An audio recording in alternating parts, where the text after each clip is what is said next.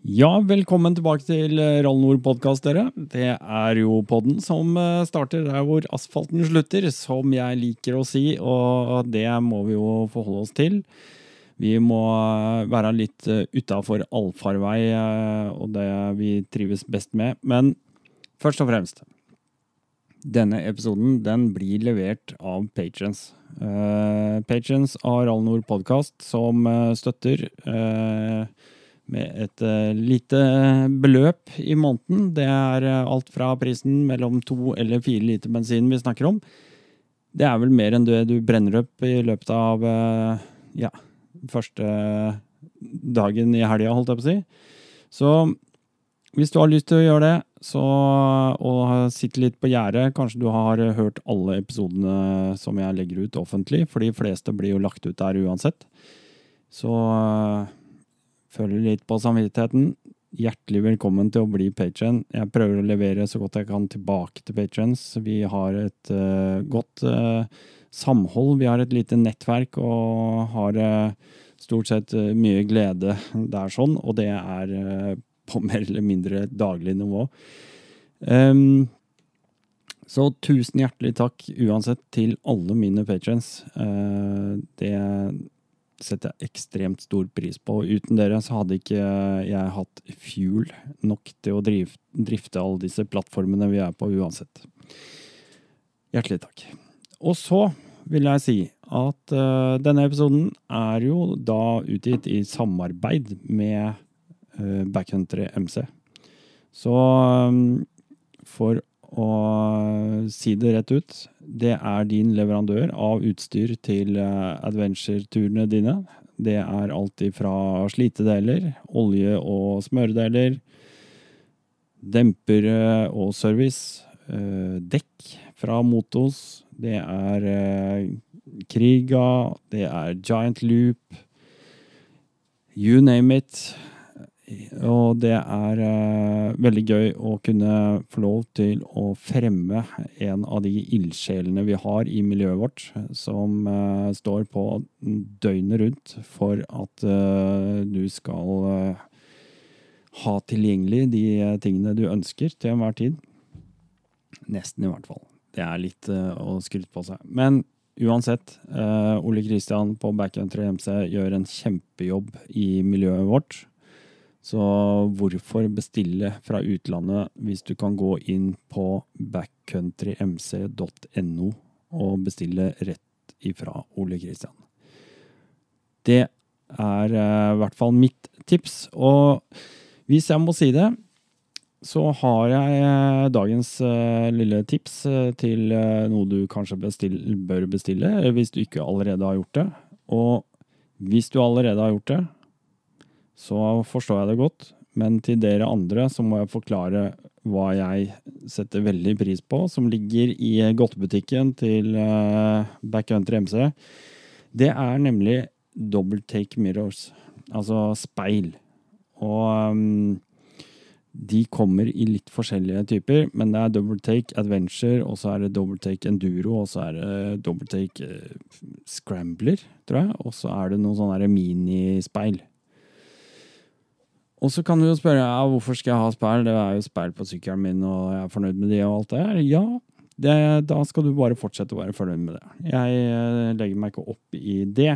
Men hvis du først skal f.eks. bytte et speil fordi at uh, du ser at du har en eh, økt risiko for uh, å ramle litt, eller uh, kjøre litt i tett skog og gjennom kvister og greiner og mye sånt noe, da bør du absolutt titte på double take mirrors, og grunnen til det er mange. For det første Double take mirrors eh, Vi kan sammenligne det med innfellbare speil, da, som bare har ett sånn ledd. Så bare tar du tak, og så vipper du det innover og legger det ned på, på fuglepinnen ned mot, eller ned mot styrekrona di. Og så har du på en måte gjemt det bort for greiner og kvister, og de er ikke så utsatt hvis du ramler på sidene og sånne ting. Og det, det er lurt. Uh, Doubletake har en litt annen løsning enn en, et sånn enkelt ledd. Det har nemlig et par sånne ball mounts, ramkuler, Én på hver side. En kule som holder i selve sveilet, og en kule som du er, er ned mot styret. Og dermed så har du eh, mange, mange muligheter. Det ene er at du kan Du har en mye bedre justeringsmulighet på speilet. Det andre er, og som ikke veldig alle egentlig er klar over, det er at hvis du står og kjører Og det gjør vi jo ofte. Så kan du faktisk bare ta det ene speilet, og så kan du ta og eh, gjøre det sånn at du kan se bakover mens du står. Og så kan du ha det andre sånn at du ser bakover mens du sitter. Det er en ganske smart og fiffig løsning. Eh, en annen sak er at eh, du, med, du kan få med en sånn brytepinne som du setter ned i eh, der hvor du fester eh, speilet ditt. Det, da vil det alltid være den som brekker først, hvis noe skulle brekke i det hele tatt. For det gjør det stort sett eh, aldri. Eh, men det er en eh, god ting. Og så er det noe med det at hvis du bestiller et kinaspeil med et sånt ledd på, så får du gjerne et glass som er livsfarlig hvis det knuser, for da får du masse sånne lange, skarpe, syltynne glasskår. Og de kan du gjøre stor, stor skade med. Jeg har aldri hørt om et double take mirror som knuser, men det er i hvert fall et temperert glass som uh, smuldrer opp. Og det er uh, en mye, mye større sikkerhet for deg selv og alle andre som kommer bak deg. Mange måter. Mye fint med double take. Sjekk det ut. Jeg anbefaler det virkelig. Og dermed så tror jeg vi bare har prata oss helt bort. Jeg setter over til den riktige episoden. Vær så god.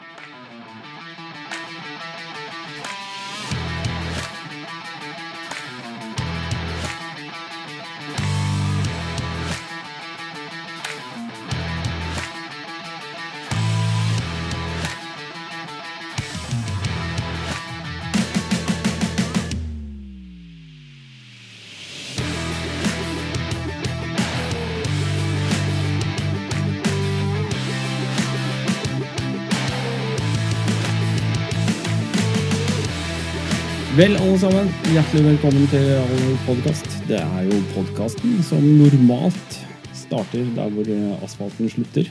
Eh, men i dag så er jeg faktisk eh, tatt meg en tur ut til eh, Vestby. For jeg er ute på Follo trafikkteam.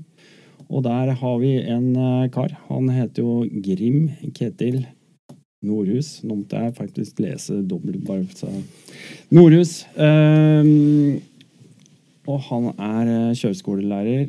Eh, og tror han skal fortelle litt mer om seg selv og hva han gjør her. Men eh, som dere da skjønner, så skal vi starte litt på asfalten før vi beveger oss ut på de glatte underlag og de tingene som vi forhåpentligvis tenkte jeg skulle Vi kan trekke fram litt mer av det vi har glemt, og det vi ikke husker så mye av, og det Ja, en del sånne andre skal vi si, innfallsvinkler på det vi liker å drive med i hverdagen. Velkommen til podkast. Takk, takk. Grim Ketil, ja. det er uh, veldig hyggelig å bli kjent med deg. Uh, det begynte faktisk på den måten at uh, jeg la ut en, en, sånn melding, enten om det var på OTC eller et eller annet, tror jeg, i forbindelse med den kalenderen som jeg har laga. Og for dere som hører på nå, som ikke har fått med seg det, så er det faktisk mulig å gå inn på ralnord.no og så klikke seg inn på en uh, kalender. En aktivitetskalender for året. Der er det lagt inn mye ting. Og da tok du kontakt med meg, for det, du lurte på Hei, kan ikke du legge inn et eller annet? Ja, Men før vi kommer dit, ja. nå skal du få lov til å presentere deg selv litt. Mm. Ja. Hei, Grim heter jeg. Uh, jeg er trafikklærer på uh, ja, snart på 20. året. Holdt på med det i bortimot to tiår nå. Uh, og uh, har vært ansatt på litt forskjellige trafikkskoler og samla erfaring der. Og fant vel ut her for rundt ti år siden da, at vi skulle starte trafikkskole selv. Mm. Med de gleder og utfordringer det måtte by på. så, så det har jo Vi har vært oppe i seks-syv ansatte, og nå er vi nede i tre. Så Ja. vi er tre partnere som jobber sammen da, i, Follo Trafikkteam. Ja. Og eh, har lokalisert oss i Vestby. Jeg har vært litt oppe i Oppegårdtrakten og der tidligere, men nå er det kun Vestby. Mm. Det ble litt sånn når vi skulle starte med motorsykkel, for det er litt logistikk med MC. Mm. Så vi har jo bil og, bil og tilhenger og MC. Mm. Og MC-biten den krever jo litt plass, og ja, man må ha lokasjon. Så da ble det Vestby.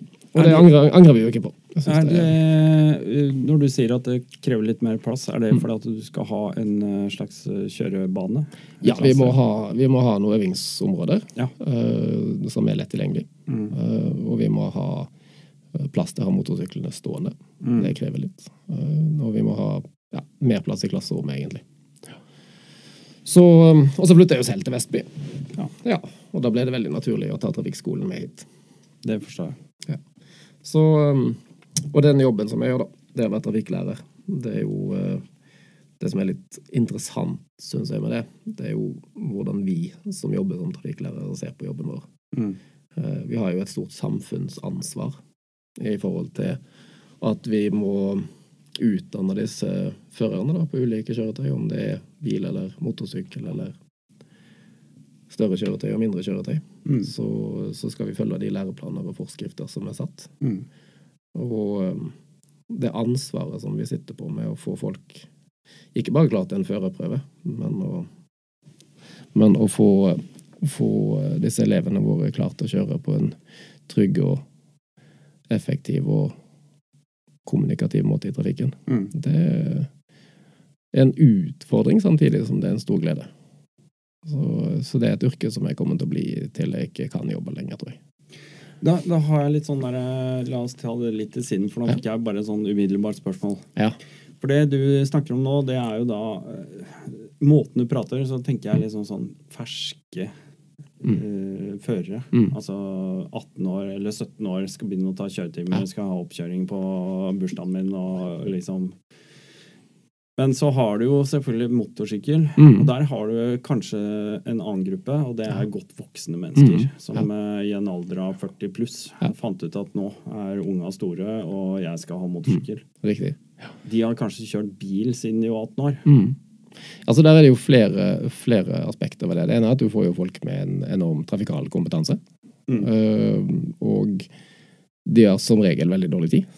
Ja. Ja. Det er flere grunner til det. Det ene er jo at M-sesongen er kort. Ja. Eh, den starter jo i april. I år så ble det ganske sent. Det var nesten ikke før i begynnelsen av mai at vi kunne starte for fullt. Mm.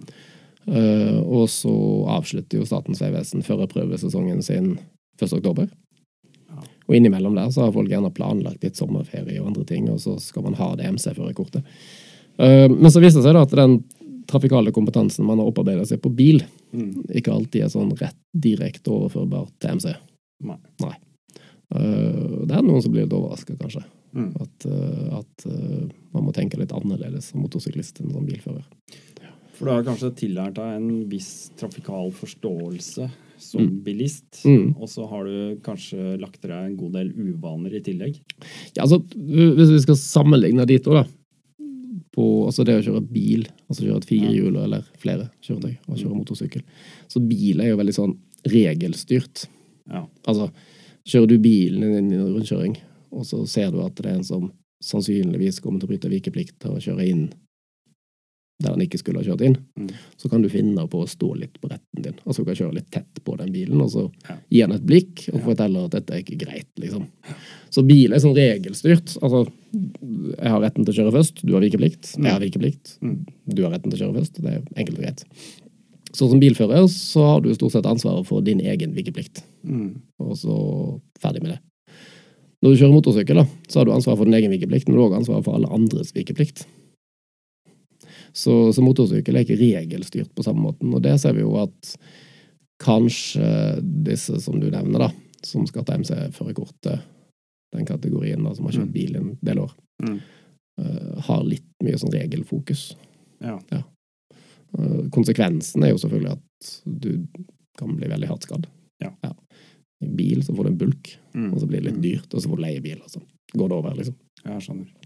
Så, så det er vel den, den, eh, den delen som er mest interessant i forhold til eh, de som har bilførerkort. Så det vi snakker om, er den ekstra risikovurderinga som du må ta Mm. underveis når Ja. du kjører en motorsykkel. Ja, man må ta helt andre strategiske og taktiske valg, Mm. rett og slett. Mm. Ja. Så, og um, Og så ser vi jo det at, at nå er det jo sånn stort sett, da eh, Nå snakker jeg litt for meg selv og, og vår trafikkskole. Ja. At uh, vi vil at elevene skaffer seg eget utstyr. Litt fordi at da passer det. Eh, vi kan ha noe låneutstyr og litt låneklær og sånt, så vi kan Mm. låne ut hvis noen vil prøve. Mm. Men gjennom opplæringa så er det eget utstyr. Og så tenker vi at man skal jo ta det førerkortet for å kjøre motorsykkel, så man må jo ha utstyr uansett. Så eh, Og da er vi litt inne på det med sikkerhet, og der er det nok en falsk trygghet på det utstyret man har kjøpt. da. Tenker at den der Gore-Tex-jakka med litt padding og den buksa med noe knebeskytter og sånt, den, den redder deg hvis du faller av sykkelen. Mm. Så, så der tror jeg nok kanskje en del må, må ja, hva skal jeg si, bli enda litt mer bevisst på den risikoen man utsetter seg for ved å kjøre motorsykkel. Mm. Tror du det at det har litt med at um, når man aldri har kjørt motorsykkel, når man ikke har noe erfaring, når man kanskje ikke har tryna på en tråsykkel engang, Mm. så kjenner man ikke på de fysiske belastningene det er faktisk å få en smell. Mm.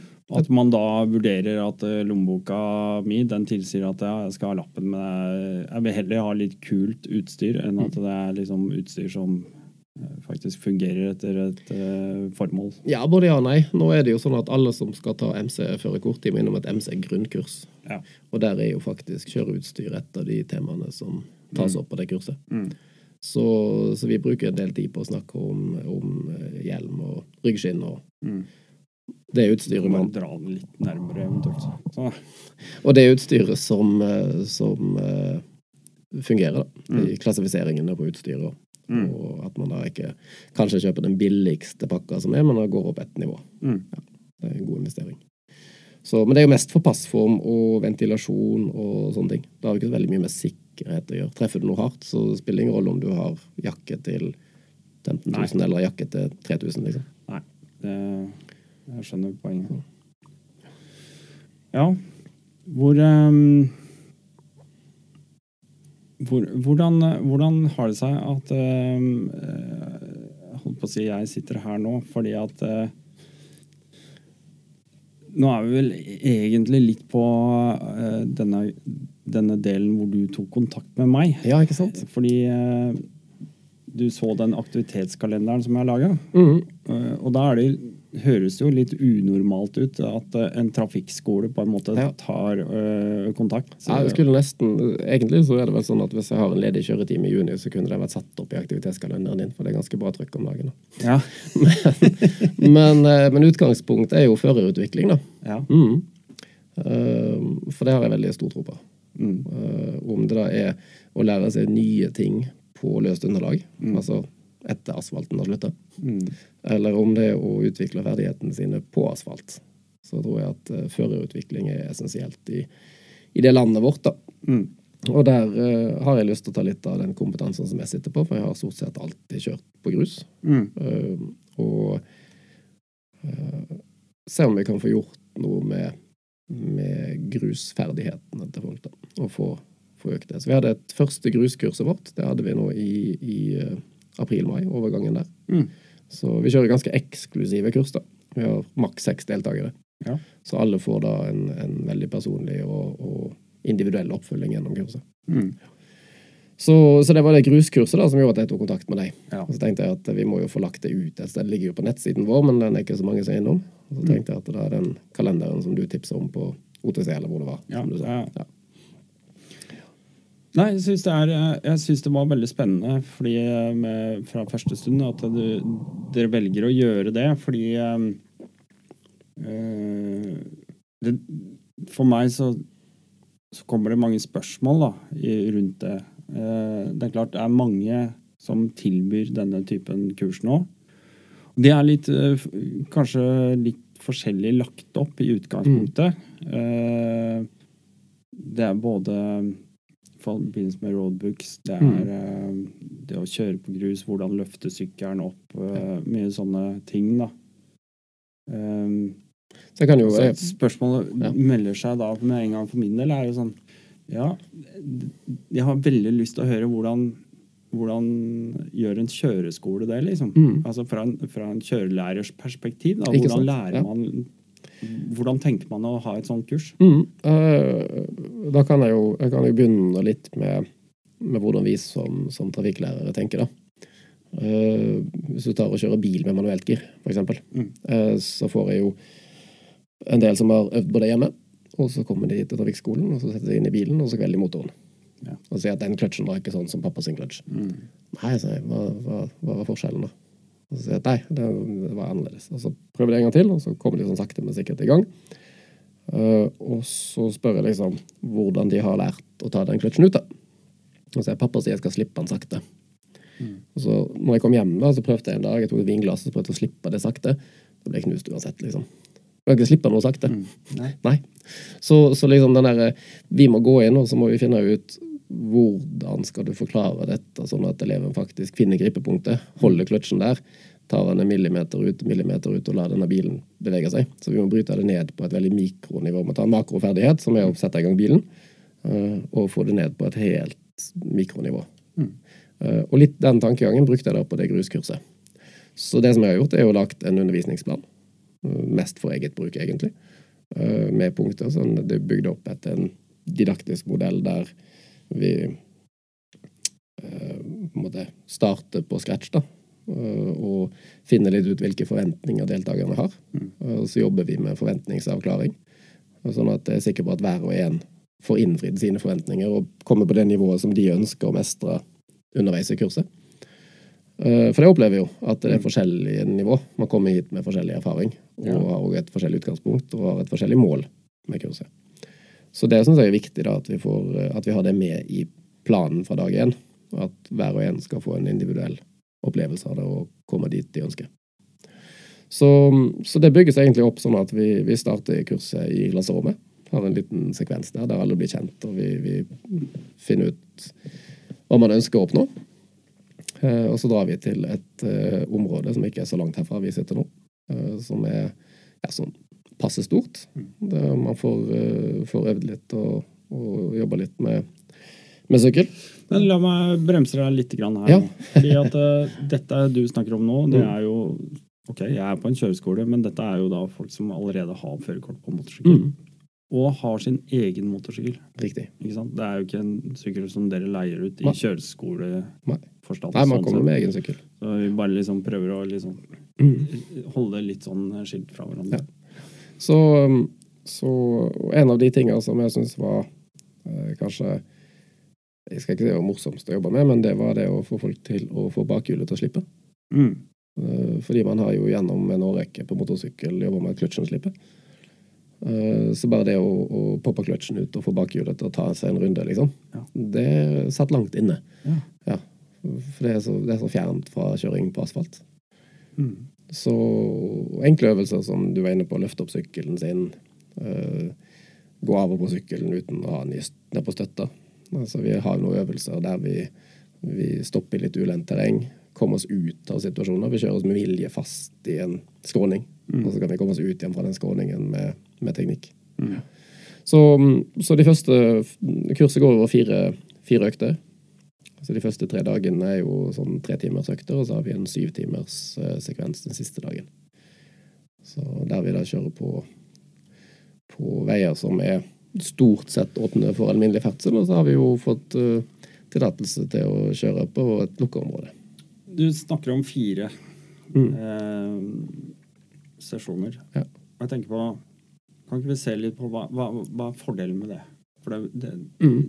umiddelbart tenker jeg da, at ja. det må være en fordel med det. Ja, definitivt. Uh, for det er jo det at, at uh, læringen skjer jo ikke når du prøver på nye ting. Nei. Det skjer jo etterpå. Det skjer om natta når du sover, eller dagen etterpå, mm. eller i lunsjen på jobb, eller et eller annet. Så får man en sånn aha-opplevelse. Så det så jeg jo tydelig på kurset her òg, at, at kompetansen ble jo bedre fra gang til gang.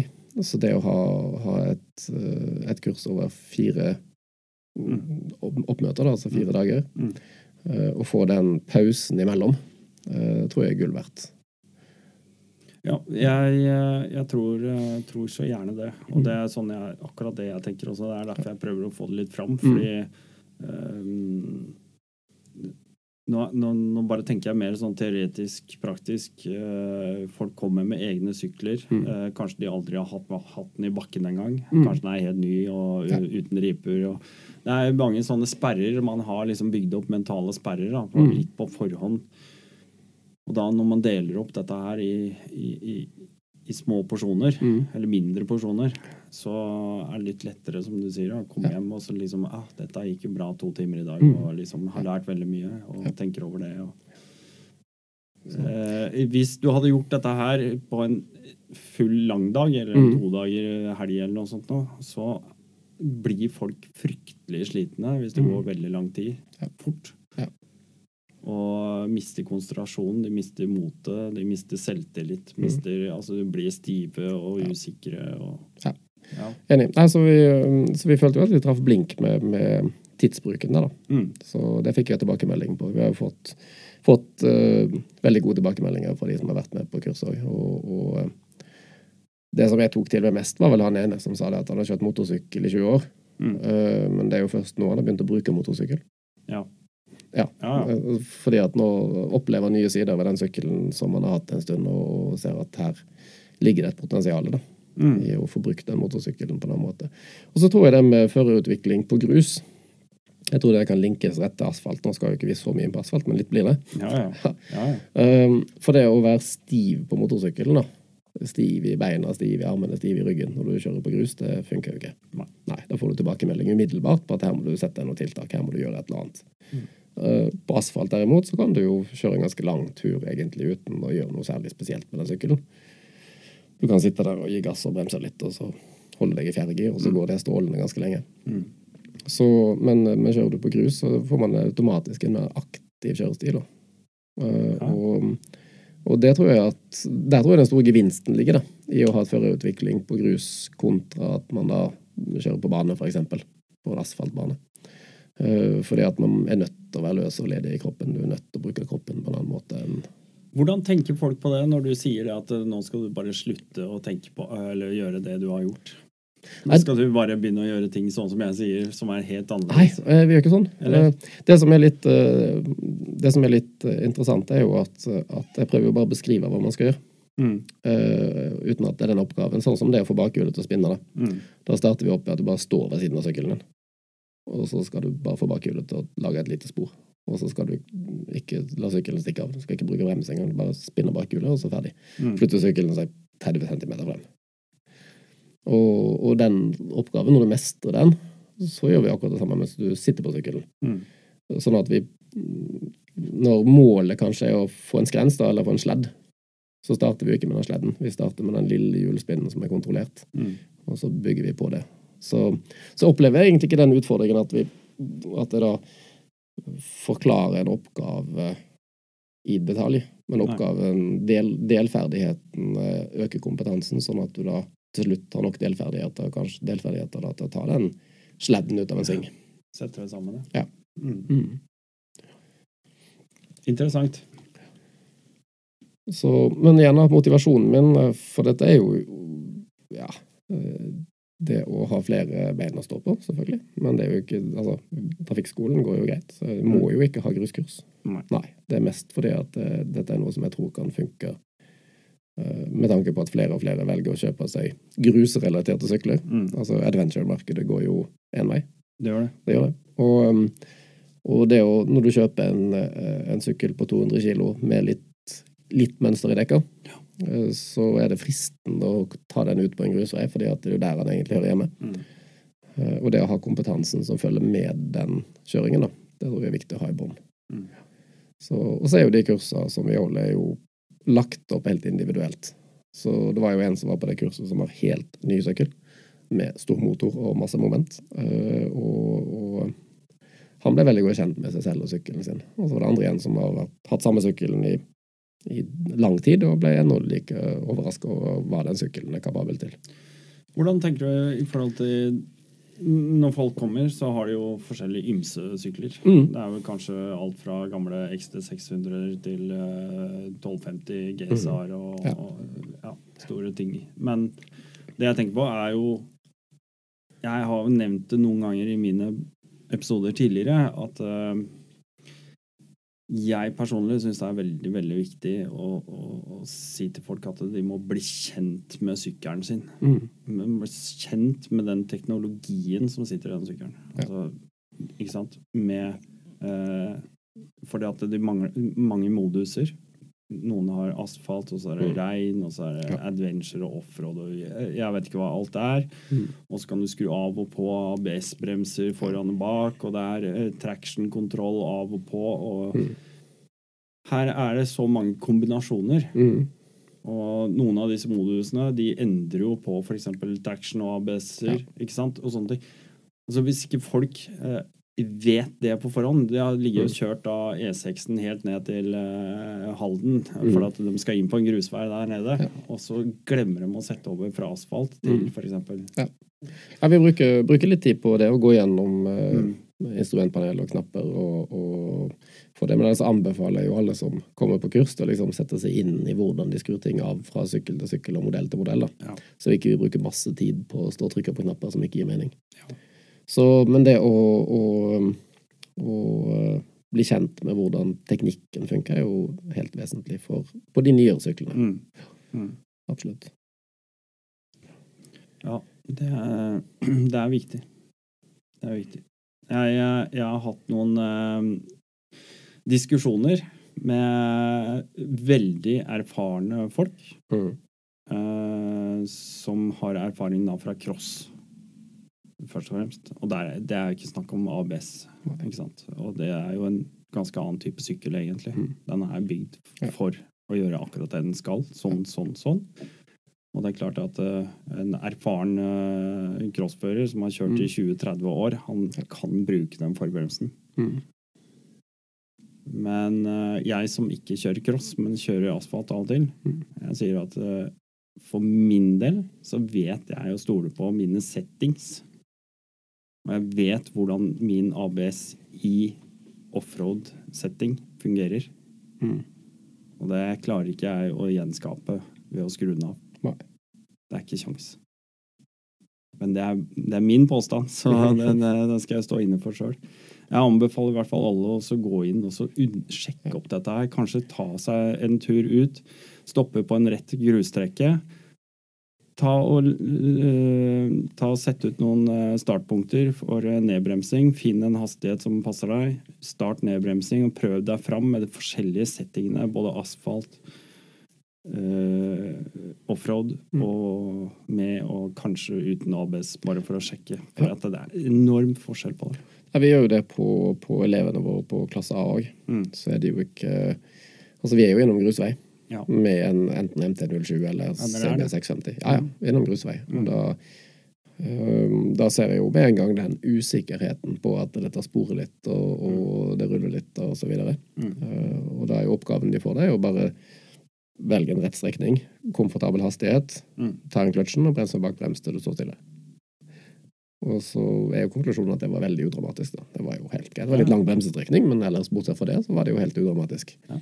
Og så prøver vi det samme med forbrems, med et progressivt trykk til ABS-en kobler inn, og det er fortsatt ganske udramatisk. Mm. Mulig at forhjulet sporer litt ut til sida, men, eh, men utover det så er det udramatisk, det òg. Og så kan man da egentlig klemme til med begge bremsene så lenge du har ABS-bremser og det går rett frem. Mm. Så går det strålende, det. Mm. Men, så så jeg tror det er viktig å bygge opp den tryggheten eh, selv på en, en, eh, en gatesykkel. da. Altså når det slipper, hvordan slipper dette. For du får jo ikke den opplevelsen på asfalt. Nei. For jeg, jeg tror jo det er sånn, jeg pleier ofte å si det at hvis du liksom skal sette rekord i et eller annet, da.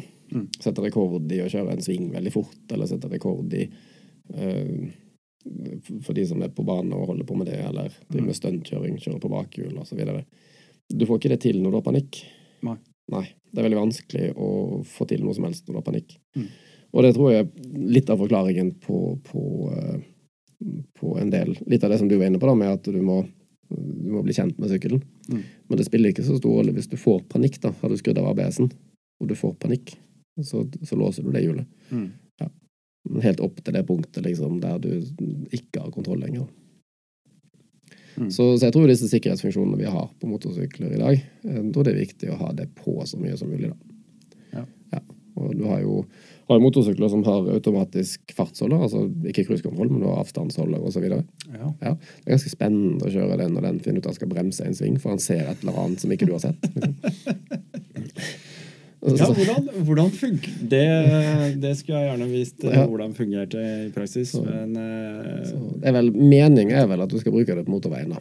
Ja. Eh, når du er liksom på rette strekninger og har trafikk foran deg, Mm. så har du jo sykler i dag som har kamera foran og bak og følger trafikken. ja, jeg vet. Eh, utfordringen er at du kan skru på det systemet på landeveien. Mm. Ja. Og når den da finner ut at den skal dra ned hastigheten 20 km i timen midt i en høyresving, så blir du overraska. For det står et tre på utsida av Ja, et eller annet som er Oi. Ja, den er kjip. Den er kjip. Så igjen da, så må disse systemene må jo, man må sette seg inn i hva, hvordan de funker, og bli kjent med, med holdt jeg på å si, eh, styrker og begrensninger i de systemene, og bruke det riktig. Det blir det samme som, som førerstøttesystemer i bilene. Mm. Sånn, altså, det er jo, når vi fikk adaptiv cruisekontroll, så, så driver jo folk med veldig mye annet enn å kjøre bil i den bilen. Ja, jeg, jeg, jeg, jeg føler veldig på det der. Og det ser jo vi som kjører motorsykkel veldig lett, for vi sitter jo litt høyere oppe, så vi ser på en måte ned inn i den bilen da, når vi kjører forbi. Mm. Eller blir forbikjørt. Ja, altså jeg har blitt stilt spørsmål veldig mange ganger. Jeg har jo, I mange år så har jeg i hvert fall tidligere kjørt motorsykkel hele året, og vinterstider også. Og det Altså, det første elementære spørsmålet jeg får, dette er jo for kaldt. Mm, ja, det skjønner jeg at jeg spør om det, men folk kjører scooter på vidda, liksom. Mm. Det, er, det dreier seg om bekledning. Ja. Uh, så da- blir det veldig sånn Det har vi Ja, Mm. det har du for så vidt rett i. Og så er du jo gal, Mathias, da, ikke sant? for at det er jo glatt. Ja. Ja, men jeg også må kjøpe, kjøre med piggdekk. Ja. Og så må jeg kjøre etter forholdene. Mm. Uh, og så må jeg være veldig obs på Ja. omgivelsene mine. Og så må jeg planlegge alt, alle handlingene jeg skal gjøre i god tid i forhånd. Jo, men det er jo Ta det med, med friksjon, da, altså med føre. Mm. Det er jo eh, Hender jo at det blir en regndag i ny og ne. Ja. Og da ser jeg jo på MC Nå snakker vi jo MC-elever da, som skal ta førerkort for første gang, at man blir veldig opptatt av at nå er det glatt.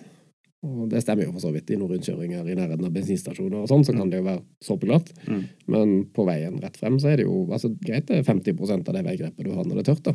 Mm. Men hvis du har en kjørestil der du kanskje bruker mellom 10 og 15 av veigrepet ditt når det er tørt Hvis du da ikke endrer kjørestilen når det er glatt, så bruker du mellom 20 og 30% av veigrepet ditt, så du har fortsatt en del reserve igjen. da. Mm. Endrer du litt på kjørestilen din, så er du plutselig nede på det samme. Så, så, så det er jo Det å kjenne til hvor mye margin man har, da. Mm. Der tror jeg at, at litt av nøkkelen ligger hvis vi skal eh, gjøre noe med ulykker. Da. Jeg er jo mm, veldig opptatt av det. Det er jo litt av motivasjonen min. Jeg var inne på det med samfunnsansvaret. Mm. Og, og altså altså, Det går jo inn på meg. Altså, NRK de har jo lagd en sånn MC-ulykkeside. Hvis du Mm. bør søke på MC-ulykker NRK, og så kommer vi inn på siden deres der det liksom skriver alle UMC-ulykkene som er. Ok. Ja, Så der står liksom beskrevet sånn kort notit, not, notat om hva, hva som skjedde. og sånt. Og, og Så jeg besøker den med jevne mellomrom, og så ser litt på hva som skjer. Og, og det går inn på meg. da. Jeg syns jo det, det er sånn forferdelig unødvendig at man skal havne i noe ulykke. Mm. Ja. Så fordi at dette er jo For motor, motorsykkelkjøring er vel for de aller fleste rekreasjon og fritid og hobby. Er det noen spesiell motivasjon NRK har for å ha en sånn side? Er det på bil også, eller er det bare motorsykkel? Bare motorsykkel. Ja. Så Jeg kunne bare tenkt meg å vite Ja. motivasjonen for Ja. å ha den siden i det hele tatt. Men det eh, kan du jo stille spørsmålet til ja. NRK om. Ja, ja. Så, nei, for Da samler de opp alle MC-ulykkene, og så ligger de etter hverandre. Så når vi kommer til september, så har nok den blitt dessverre litt lengre enn den er her i dag. Mm. ja, ja. Så, øh, så disse MC-ulykkene, da jeg har jo, Det er jo litt derfor jeg satser på førerutvikling òg. Og, og jeg har jo veldig tro på at førerutvikling på vei kan ha noe for seg. Gjerne handler innom noen grusveier underveis òg. Jeg har fått noen spørsmål på det. Jeg husker veldig godt i Det var vel i fjor at jeg fikk forespørsel om vi hadde førerutviklingskurs. Og så ja, ja, så det kan vi få til. Hvor mange er dere, liksom? Er vi er fire stykk som vil på førerutviklingskurs. Ja, topp, sa jeg. Åssen sykler de kjørte? De fikk vite hvilke sykler de kjørte, og alt var klart og good. Og så, og så spurte de hva det kosta, og sånn, og sa jeg at det, dette er jo noe som vi gjør helt individuelt, så vi, vi blir enige om hva dere trenger, og så prissetter vi det deretter. Så Mm. vi bare lager en pakkepris for dere fire. Altså bra, jeg. Kult. Hvilken bane skal vi på? Skal ikke på noen bane, sa jeg. Det var uinteressant. Ja. For de skulle på track day, de. Ja, Ja. ikke sant? Og der tror jeg det er viktig å skille mellom track days og førerutvikling. Ja.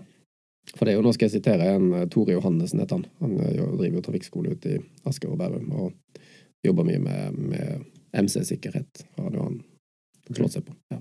MC-nettsiden der. Han pleier å si det at liksom, når du melder deg på sånn førerutviklingskurs, da, for du har lyst til å bli litt tryggere på motorsykkel, Mm. så det første du møter, der, er tre ambulanser. Så tenker du sånn, ok, hva har jeg meldt ned på nå? Sant? Ja. Så, så, så, så der tror jeg at, at vi er nødt til å få førerutvikling til å gå på et litt annet nivå enn bare å mestre kjøretøy i, i ulovlig hastighet. Ja. Så, ja. For det er, jo, det er jo det track days handler om, egentlig. da. Mm. Eh, Og, og der tenker jeg at å få kjørt sammen med en motorsykkelfører med veldig bred erfaring og bred kompetanse på intercom i et trafikalt miljø, på landevei, eh, på litt grusvei, det tror jeg vil ha øke kompetansen til de aller fleste motorsyklister. ja, for det, det gjenspeiler jo de situasjonene vi er Mm. i daglig, Ja. på en helt annen måte. Det gjør det. Og, og der har jeg litt lyst til å prate litt om en, en, et forsøksprosjekt nå som ble gjennomført i 22. Ok? Oppe i Trøndelag. Det kommer mye god forskning fra Trøndelag. Sintef ligger der oppe, og Nord universitet. og eh, Det har jo vært Ja. liksom trafikkskolenes mekka siden 70-tallet en gang. Så der er det noen kloke hoder. Og da har de brukt eh, en sånn eye tracker, altså en type briller som motorsykkelføreren har på, som da registrerer hvor motorsykkelføreren ser. Ja. Mm. Uh, og så har de en fast oppsatt rute, så de gjorde dette forsøket sammen med Sintef. Uh, målet var jo da å få ferske motorsykkelførere på den ene sida, og så motorsykkelførere med bred kompetanse på den andre sida. Mm. Og så se hvilke valg de tar, og hvordan de forholder seg til risiko. Og ikke minst da i en intervjusession etterpå, og høre hvordan de beskriver de valgene de har tatt. Um, Går du da gjennom en film av, Ja. uh, av selve ruta de har kjørt, og så snakker om de Eh, forskjellige nei, situasjonene? og sånn? Jeg har ikke gått så nøye i akkurat hvordan det ble gjort, men jeg inn- innbiller meg at de fikk lov å prate om turen sin, Ja. og at intervjueren hadde filmen. Ja. Jeg vet ikke. Ja, Ja. Men, men i alle fall, da. De fikk jo ikke disse personene som de ønsket. De med bred kompetanse var ikke så vanskelig. Det var liksom trafikklærere, og så var det MC-sensorer, og noen som kjører utrykning på MC, og så videre. Mm. Så de klarte de å få tak i. Og så skulle de ha da motorsykkelfører med, med relativt smal erfaring, og kanskje ferske. Det fikk de ikke, så da lurte de egentlig på om de skulle skrinlegge hele prosjektet, for de fikk jo motorsykkelførere som liksom årlig drar på lange MC-turer, og de er med i klubber, og de er med i liksom Ja. De er engasjerte motorsykkelførere da, som gjerne kjører 10 000-12 000 km i året. Um, men de tenkte shit au, vi får bare gjennomføre prosjektet og se hvordan det, det går. Og, og resultatet er ganske oppsiktsvekkende, egentlig, fordi uh, de motorsykkelførerne, da, som er la oss kalle det helt normale MC-førere, Mm. uh, de setter seg selv i situasjoner med høy risiko, sett fra et trafikklærers perspektiv da, og et, Ja. et trafikksikkerhetsperspektiv. Det er som gjentatte brudd på paragraf 3, altså hensynsfull aktbegivende varsom. Mm. Uh, og man plasserer seg ved siden av biler i rundkjøring med høyt nedlegg og stor fart etter forholdene, da. Uh, bryter fartsgrenser. Er liksom så, så disse som da jobber med, med trafikkopplæring og utdanning av trafikklærere uh, Dette ble gjennomført i samarbeid mellom Nord universitet og Sintef. Mm. Så, så, så de syns jo den kjøringen her er liksom litt sånn nesten ekstrem, da. Uh, men når de ble intervjuet etterpå, så var det liksom Det var ikke noen sånn tydelig sammenheng mellom hvordan det objektivt sett så ut, uh, og hvordan de subjektivt opplevde kjøreturen. da. Nei. Så var det òg noen steder der det var hull og sprekker i asfalten. Uh, og de hullene og sprekkene i asfalten tok ganske mye oppmerksomhet fra de som da har normal erfaring. Mm. Uh, Svinga gjerne utenom, så litt lenger ned på den sprekken og fant ut hva skal jeg gjøre nå, liksom. Ja. Uh, til sammenligning så var jo det de som har bred erfaring på motorsykkel, endra jo bare sporet litt og kursen litt. eh, hadde en helt annen hastighet i tett trafikk. Altså der, der fartsgrensa er 50 da, i et trafikkert miljø med en del rundkjøringer. Der ligger jo De som er bred erfaring, ligger jo en hastighet mellom 25 og 45. Og, og, og avklarer situasjon på situasjon og har en helt tydelig uttalt strategi, kjørestrategi. Mm. Mens normale motorsykkelførere, som, som da ikke har den samme erfaringen, eh, ligger gjerne opp til fartsgrensa. Og litt over. Ja. Ja, og, og kjører med, som sagt For de er mer opptatt av at de skal følge den trafikken, er skiltinga på en måte? Nei, eller, det, det, det er jo gøy kjøre eller har de bare ikke risiko... Det har nok en risikovurdering, men, men ut ifra basert på erfaring Og nå, nå har jeg lest den rapporten to ganger, for jeg tenkte at jeg må bare få, få med meg det som står der. Mm. Og så spinner jeg litt videre på det, og så opp i eget hode, da, så tenker jeg at, at uh, disse som er A1-førere, da Mm. da, Nå er det ikke noe A1 i den gruppa der. Det var stort sett bare voksne motorsykkelførere. Og eh, det som jeg ser, er at de slutta jo ganske tidlig å kjøre sånn som de gjorde på førerprøven. Mm, ja. Altså, du gjennomfører en opplæring, tar en førerprøve, får bestått på den, og så, man, så tar det veldig kort tid før man går bort ifra det. Ja. Det er jo bare å stille seg opp utenfor videregående skole og se hvor mange som har kjøreutstyr, for eksempel. Mm. Og så kan du jo da se litt på den kjøringa de driver med, men de driver jo motorsykkelkjøring på et annet nivå. Der er det jo, er det jo et fremkomstmiddel, først og fremst, og ikke rekreasjon. Mm. Ja. Uh, og så ser vi liksom på de som tar førerkort i voksen alder, da. Klasse A. Og der er jo tar det nok lengre tid før man distanserer seg fra sånn som man kjørte på opplæring og på førerprøve. Ja. Ja, og, og det kan ta flere år før man liksom begynner å endre atferd. Så derfor så tenker jeg at her, her skjer det ting da, for motorsyklister som jobber. Altså, jobben min er jo å kjøre motorsykkel og lære folk å kjøre motorsykkel. Uh, og folk som jobber med motorsykkelkjøring i til daglig, har en helt annen tilnærming til det. Og det tror jeg kanskje ville ha vært eh, effektivt med tanke på ulykker, òg, at vi jobber litt med tilnærmingen til å kjøre motorsykkel. Mm. At ikke det bare blir hobby og glede og gøy, men at vi beholder det. Men så må vi òg få det ned på et nivå der vi klarer å unngå ulykker. For det ligger jo an sånn da, hvis ikke vi gjør noe med, med, med MC-ulykkene i dette landet vårt, så, så kan det komme restriksjoner. Da har vi jo en NMCU som har jobba mye for at vi skal få lov å beholde motorsykler med en viss effekt. Mm. Uh, og um, det har vært forslag om å redusere effekten på motorsykler. Mm. Uh, men jeg vet ikke om det har så mye å si om du krasjer mer mykt med 98 hestekrefter enn 102. liksom. Nei, farten og hastigheten er vel akkurat den samme. Ja. Og, og for eh, Vi har jo nullvisjonen, som ble vedtatt i 2002. Det er sånn, Vi har et 20-årsjubileum for dem. Det gikk jo ganske sånn stille og rolig for seg, Mm. egentlig. Men så har vi jo noen sånne mål underveis, og et av de neste målene vi har nå på trafikkulykker, det er jo at vi skal ha maks 300 eh, alvorlig skadde og drepte i trafikken i 2030. Ja. Ja, det er syv år til. Nå ligger vi jo på 500 og et eller annet, eh, liksom. Og hvis Nå er jo motorsykkelførere står jo for rundt 20% av dødsulykkene i trafikken Mm. per i dag. Mm. Så hvis vi klarer å redusere biltrafikken, altså vi klarer å nå det målet på bilister, da, på altså andre trafikantgrupper enn motorsykkelførere, så vil jo motorsykkelførere, hvis ikke vi endrer på statistikken der, da, så vil jo de stå for nær halvparten. Mm. Og klart at da vil jo komme restriksjoner, for det er jo et mål som myndighetene har satt. Myndighetene har satt et mål at i 2030 så skal det være sånn. Mm. Og er det ikke sånn, så må vi gjøre noe med det. Så da kommer det tiltak. Hva, hva tenker myndighetene skal være riktige medisin Nei, det, egentlig? det, det har ikke jeg anelse på, men jeg tror jo førerutvikling er veien det går, da. Ja. Ja. At, eh, at man da søker en kompetanse. For det viser seg jo at, at eh, av de ulykkene som er, så er det jo enten da ferske motorsykkelførere som, eh, som uh, mister kontroll. Eller kjører over egen grense, Mm. som jeg pleier å si. Ellers er det da eldre motorsykkelførere som har på en måte børsta støv av førerkortet sitt og, Ja. og, og tatt, fått seg motorsykkel, eller altså har hatt lang pause fra motorsykkelkjøring. Mm. Så, for det viser seg jo at, som alt annet, egentlig, her er det snakk om å få, få mengde trening og erfaring. Ja. Og, og den erfaringen eh, kan det hende at man kan få litt input på å få. Og Derfor tror jeg førerutvikling i trafikk, altså i trafikale miljø, Mm. i små grupper, det har jeg veldig tro på.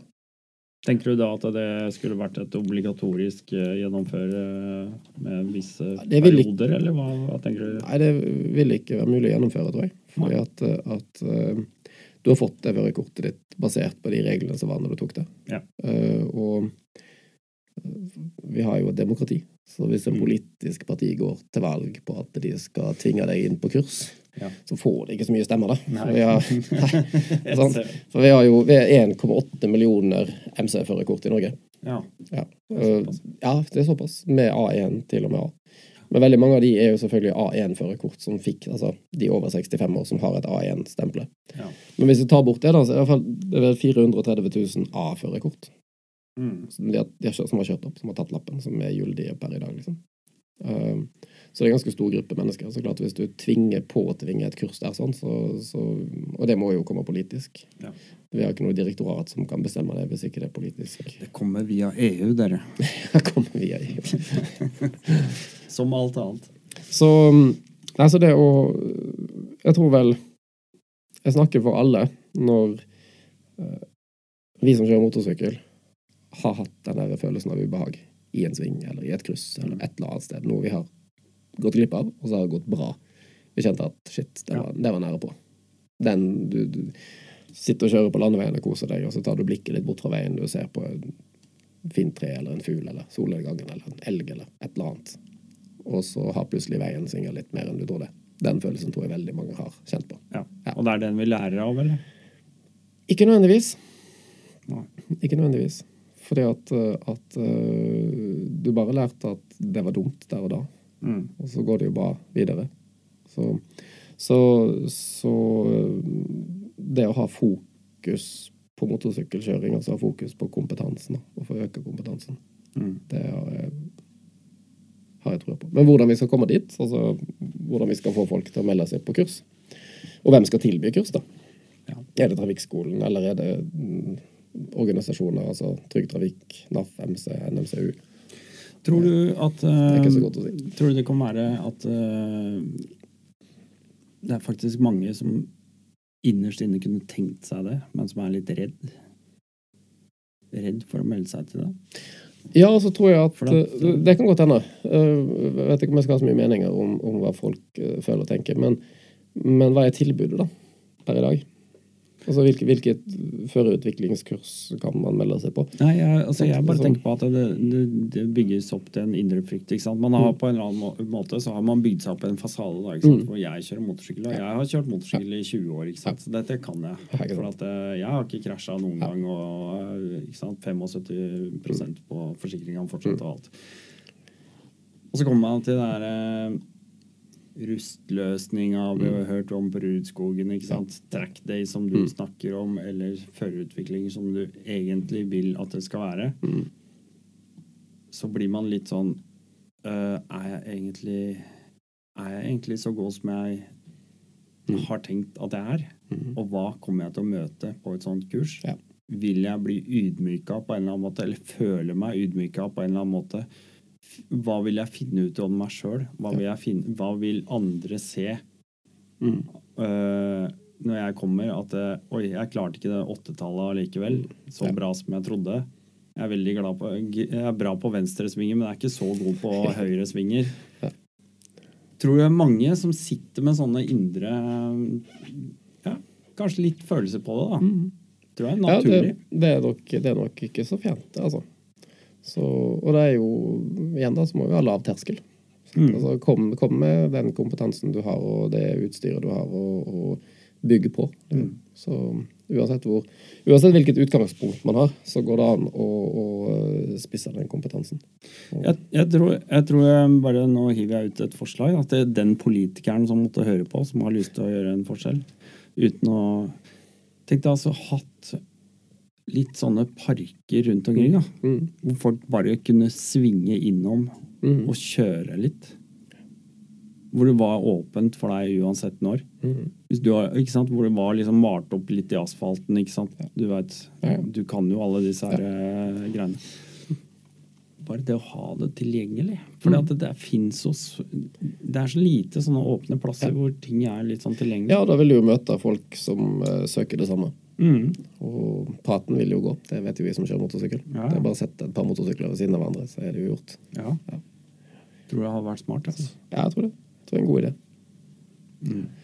Så, men vi ser jo på eh, Nå skal jeg kanskje altfor mye tall, men vi kan jo se på dette med trafikkopplæring. Det har jo vært gått gjennom Gjennom tidene så har jo trafikkopplæring endra seg ganske markant i Norge. Ja. Den modellen vi har nå, den kom i 2004. Ok. Ja, og så, så har det kommet noen endringer litt i 2012-13 og litt i 16-17-18 og sånn. Men, eh, men det vi ser på, da, eh, hvis du ser på tallene litt sånn tilbake i tid eh, Så hvis vi har tallene for ja, 2002, 2003 og 2004, liksom, altså før den modellen som er nå, så, så var det jo 18-, 19- og 20-åringer som toppa statistikken. Ja. Ja, det var liksom tre ganger så mange 18-19-åringer som det var folk eh, som er eh, mellom 30 og 50. Mm. Uh, og så går du inn og så ser du på tallene fra eksempel ja, og dette har surret godt i 15 år, da. Sånn typisk 2017-18 der omkring. Så, så har jo andelen med, med drepte og alvorlig skadde i trafikken gått veldig ned på de unge. Uh, voldsomt mye ned. Så den, hvis du setter en sånn grafisk fremstilling på det, så er det nesten flat kurve. Men det betyr jo da at, at disse som da er 30, 40 og 50, eh, de har det ikke skjedd noe med. Altså det har ikke blitt noe bedre. Eh, Så det ser vi jo egentlig nå at eh, Nå snakker vi jo totalt alle typer kjøretøy. Og det er jo, er jo faktisk den aldersgruppa mellom ja, 45 og 65. De har like stor sannsynlighet for å havne i en alvorlig ulykke som en fersk bilfører. Men er det de som tok lappen før 2004? Det er akkurat det. Mm. Mm. Så, så det at den trafikkopplæringa, måten vi jobber på, da, Mm. at det hjelper, at det er nytte, det er det jo ikke tvil om. Uh, og, og da er det jo de samme menneskene som har det yrket som jeg har nå, da, som er trafikklærer. Mm.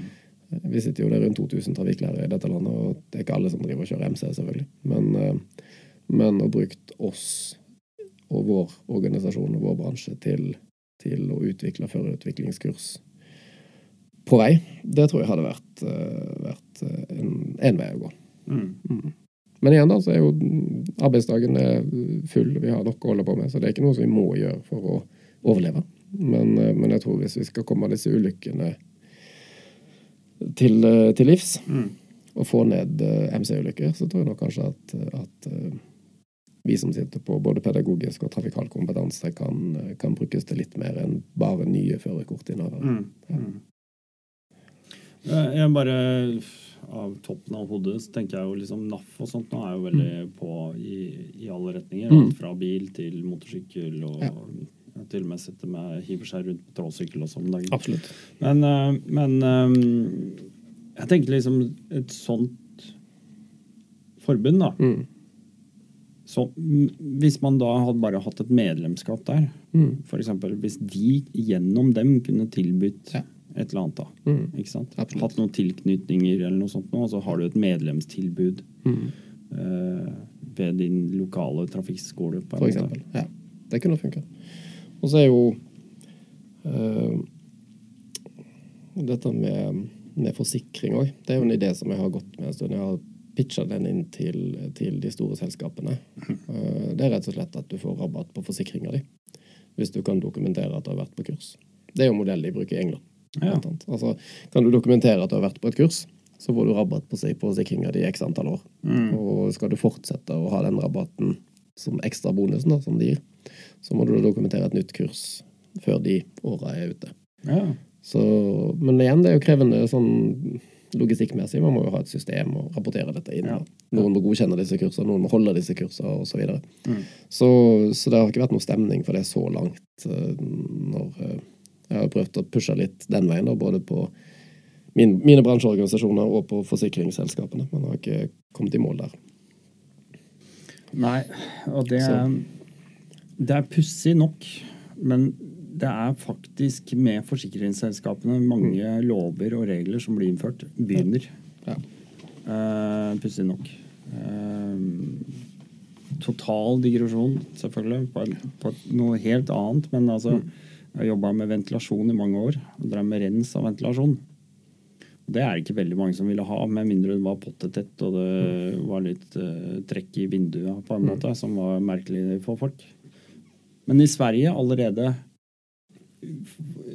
Allerede i 90 så var det allerede innført Mm. obligatorisk sjekk og kontroll av ventilasjonssystemer i Mm. forskjellige eh, instanser av både offentlig, privat, skolebygg, Ja. eh, helsehus, altså sykehus, Mm. for, type foretak. Og du får ikke forlenga forsikringa di med mindre du har et godkjent og stempla kontroll. Ja. Ja. Og hva har skjedd da? Nei, da har du plutselig gått mindre, har fått mindre astma og allergiplager. Du har fått mindre branntilløp. Du har, Mm. gjort så mye annet. Og det er derfor jeg sier bare sånn digresjon, da. Mm. Altså Forsikringsselskapene har, har tyngde og mulighet til å pushe veldig mye. altså. Og så er det jo, er det jo ringvirkninger, da, hvis vi nå, hvis vi nå ser for oss en, eh, eh, et kurs som eh, har virkelig gitt utbytte for NMC-fører, da. Da føler jeg at dette var gull verdt. Mm. Eh, Så vil jo det spre seg omtrent som ringer i vannet. Ja, ja. Altså, dele det. Og, og, og ikke minst, eh, jeg, jeg syns jo det du sa i sted, Dennis, om, om at eh, uh, terskelen Mm. den personlige terskelen å komme over er, er god nok, er flink nok. Mm. Den jeg skal jeg tygge litt på, faktisk. Ja, jeg, jeg tror det. Mm. Jeg tror, det ligger i meg. Det er jo Mm. derfor jeg henter det. Ja. Det ligger jo i meg. Mm. Jeg vet jo innerst der inne at det er mange ting jeg er redd for, selv om jeg, Mm. selv om jeg alltid er den som vil legge huet på plakka. Ja. Men altså, jeg har ikke noe problem med det. Og det er litt sånn Det er litt av eh, Det er litt av tanken bak podkasten også. At jeg Mm. kan egentlig by litt på de der vanskelige Jeg har lyst til å by litt på de vanskelig trøblete tinga som vi ofte går og gnuger litt på, da. Mm. Uh, sier ikke at alle gjør det. Noen, kanskje. Så, nei, men jeg tror, eh, jeg tror du er inne på noe der, altså. Det, og, og der eh, vet jeg helt Jeg er ikke helt sikker på hvordan vi kan få eh, organisert det på en måte. Det er jeg ikke sikker på. Men jeg vet, jeg, hos meg så vet jeg hva jeg skulle gjort. Mm. Hvis jeg skulle hatt en tre-fire stykker på førerutvikling på motorsykkel, litt på grus og litt på asfalt osv. Noe annet enn de gruskursene som jeg har, da, for det har helt konkrete eh, oppgaver, egentlig, ut ifra hva man ønsker. Litt andre typer mål. Ja. Mm. Eh, Litt sånn som den der rapporten som jeg prata om oppe på Sintef og Universitetet Ja. Nord, altså der man finner ut at, at det man opplever som trygg og fornuftig kjøring, faktisk objektivt sett ikke er det. Mm. Uh, og at man da tar, tar litt for høy risiko. For vi har jo Statens vegvesen har jo en sånn ulykkesanalysegruppe. Mm. UAG heter de. Så de går jo inn og ser på de alvorlige ulykkene og finner ut hva skjedde her. Liksom. Og sånn siden vi snakker litt om der asfalten slutter, da, så er det jo svært sjelden de må ut på en grusvei for å hjelpe noen. Ja. Det er stort sett på asfalt, eller litt ved siden av asfalten ofte. Mm. Så, øh, og der, uh, hvis man ser litt nøye på disse ulykkene, så er jo en del av det sånn ekstrem atferd.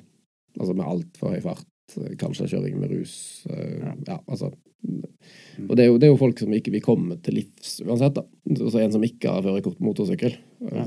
vil jo aldri gå på noe førerutvikling eller ta noe opplæring. Så, det, så trafikkskolen eller hva skal jeg si, opplæringsinstitusjoner når jo ikke den gruppa der. Men det er jo heldigvis en liten del, da. Mm.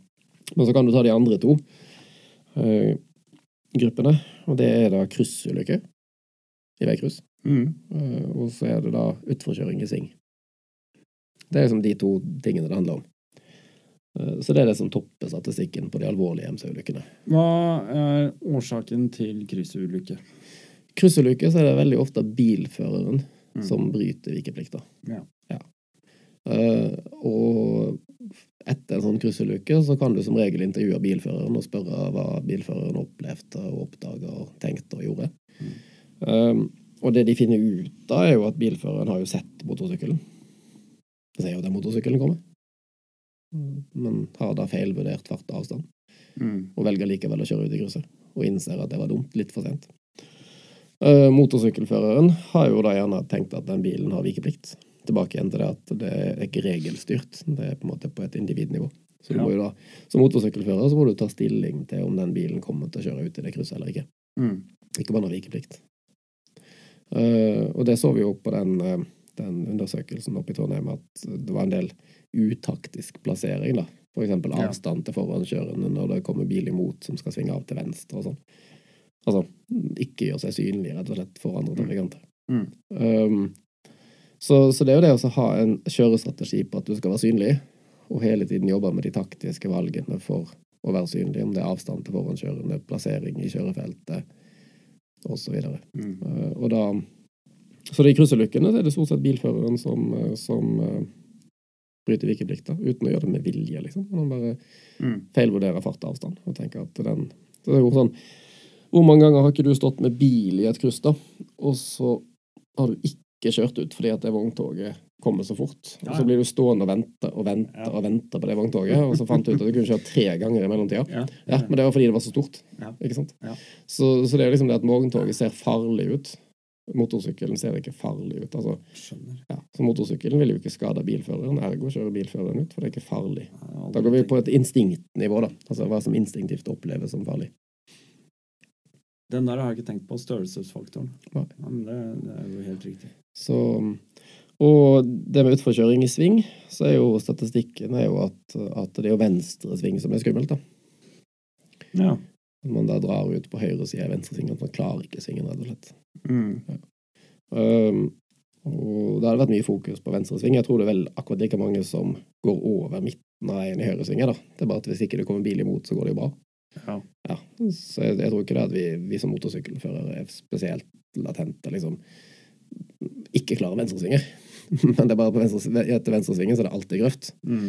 Men på høyresvingen så er det alltid asfalt eller møtende bil. Mm. Og, og vi velger jo å kjøre. Så det er jo litt interessant, da. Det er jo noen av disse organisasjonene våre som jobber for, for trafikksikkerhet, som ønsker bedre veier. De vil ha bredere vei med midtlinje, rettere strekninger, færre bakketopper osv. Men det er jo ikke der motorsykkelførere kjører. Altså hvis de bygger Hvis, hvis Statens vegvesen og myndighetene bygger en helt ny motorvei, Mm. så kjører vi gamleveien. Vi kjører ved siden av motorveien. Ja. vi kjører ikke på motorveien. Nei, nei. Nei. Så, så, så det å liksom bygge nye veier for å hjelpe motorsykkelulykker, det har ikke så mye for seg, tror jeg. Vi vil jo velge den veien som er svinget uansett. Ja, jeg er enig i den tanken. ja. så, så disse svingulykkene, og der tror jeg nok at, at det med, med hastighetsvalg og fokus. Det er jo det vi kaller for enulykker. Altså Mm. der én motorsyklist klarer å kjøre av veien på egen hånd.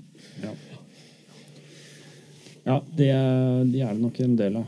Um, jeg tror du nevnte litt om det. Jeg kan ta opp deg, da, i og med at vi er inne på det. Fordi um, du nevnte litt for meg her Vi var på telefonen for noen dager siden. Så nevnte du litt om dette med politiet. At de kanskje skulle begynne å ha litt mer hyppige kontroller Ja. og sånt nå. Ja, nei, Og da er vi litt sånn i forbindelse med dette her med sving. Så, nei, det stemmer det. Jeg så et innlegg fra UP et eller annet sted på noen sosiale plattformer. Ja. Så var det at de skulle nå eh, På grunn av mm, sommeren i fjor, da, der vi hadde relativt mange MC-ulykker sammenlignet med 2020 og 2021. Mm. Um, og da var jo politiet ute og skrev at de skulle intensivere fartskontroller. Ja.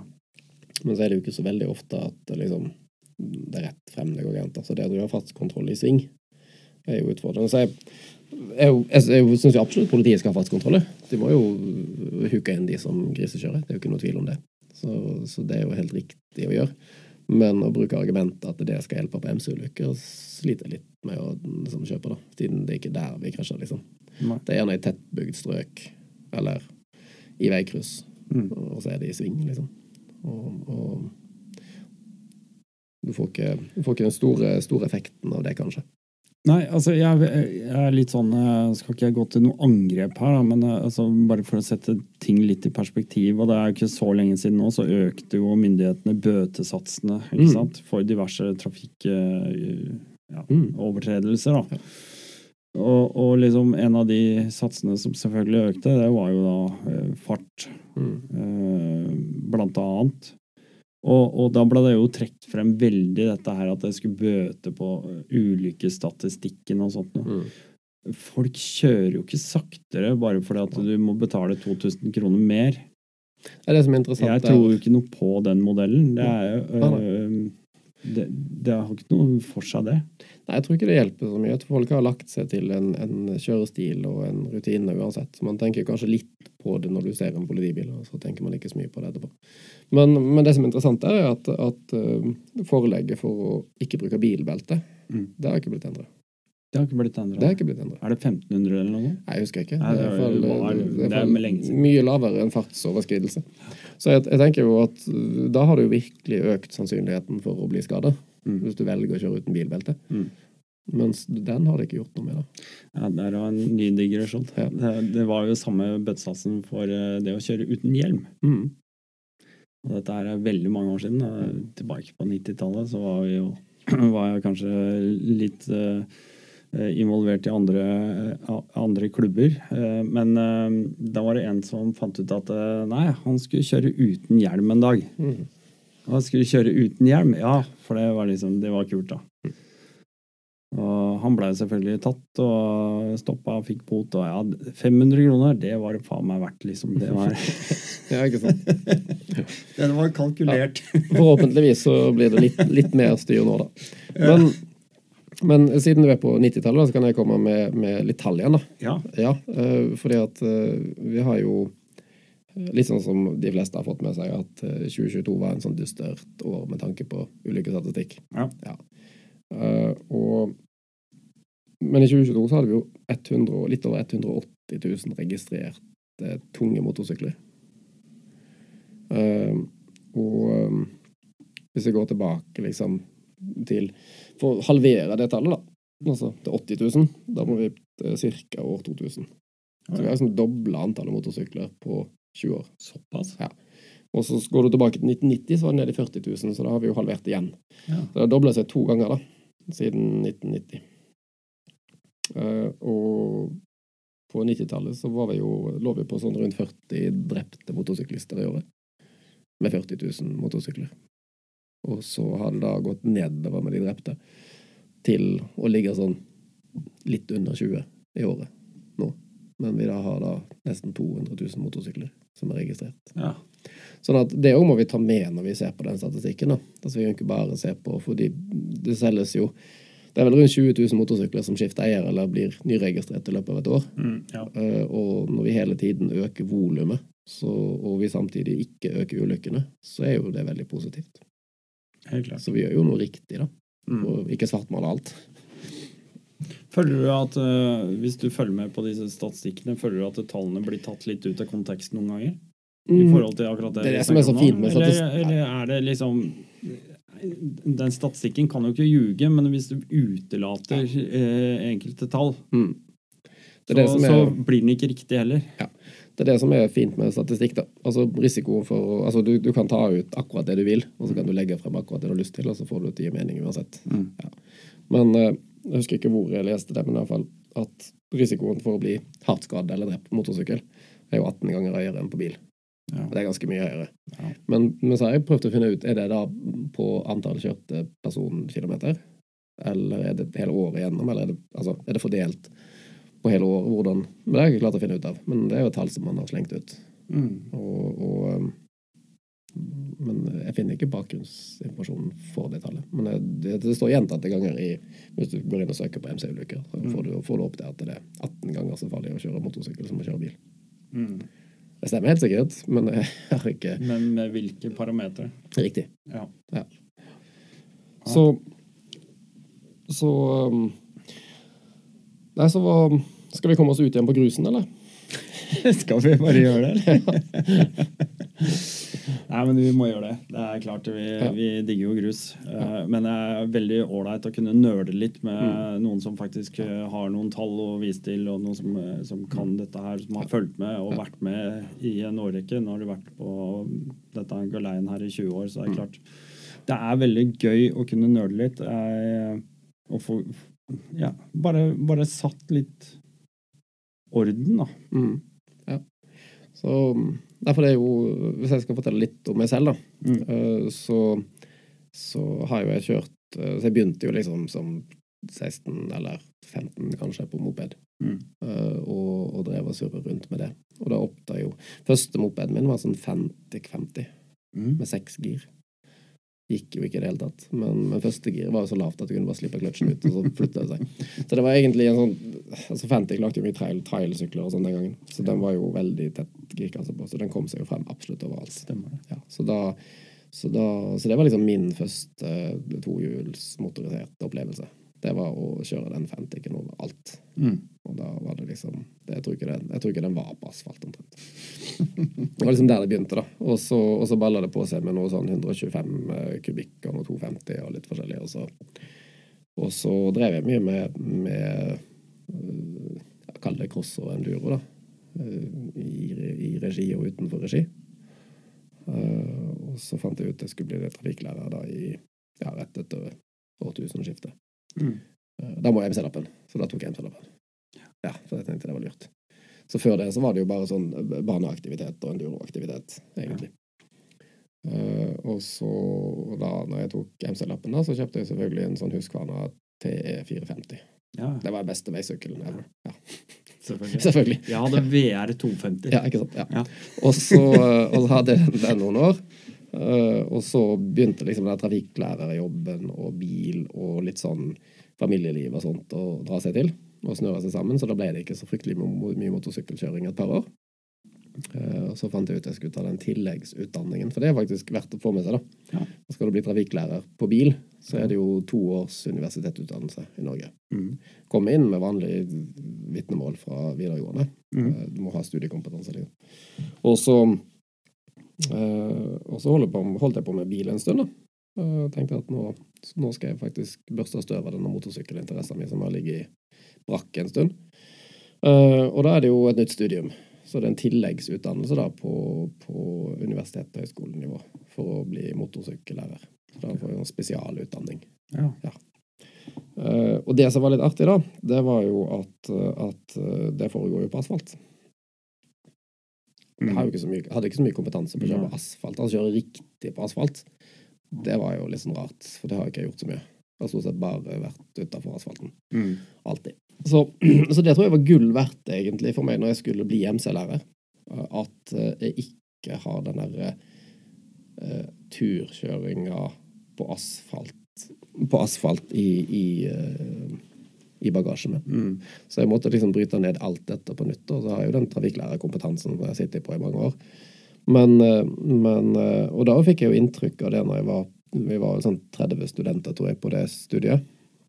Og jeg fikk jo inntrykk av at det var sånn Kanskje en sånn 90-10-fordeling, da, med folk som var interessert i å ikke kjøre på asfalt. Det var sånn 10% av oss som syntes det var kult. Resten Ja. skulle på asfalt. Ja. Så, så der er det jo veldig mye prega av uh, lite vandring og glatte dekk. Ja. Ja, på MC-lærer MC nå, da. Mm. Så, så, så jeg tror jo det å, å, eh, å komme seg ut på et løst underlag, det gjør veldig mye med MC-førerne. Ja, for På bil så har vi glattkjøring, for at det, Mm. det er jo forventa at du skal kjøre om vinteren. Ja. Eh, Det er helt naturlig. Mm. Eh, Jeg tror, ikke, jeg tror ikke på en glattkjøringsmodell i den forstand på en motorsykkel, men Nei. eh, det å legge inn noen gruskilometer her og der, det tror jeg er eh, fornuftig. Ja, altså, øh, hvis du, hvis du får det der ubehaget da, som vi pratet om tidligere, Mm. du kommer inn i en sving, og så kjenner du at oi, nå går det litt for fort. Mm. Ja, altså, du klarer du å dra det i land, og bremse litt og rydde litt opp og ordne opp i situasjonen. Men da har du kanskje kjørt i 70-80, kanskje 90 km i timen når dette skjedde. Mm. Så det kunne jo potensielt sett gått ordentlig gærent. Du vil jo få den samme opplevelsen i 22 på grus. Ikke Ja. Altså, du kan, du kan komme for fort inn i en sving, Mm. eh, og så kjører du i 23.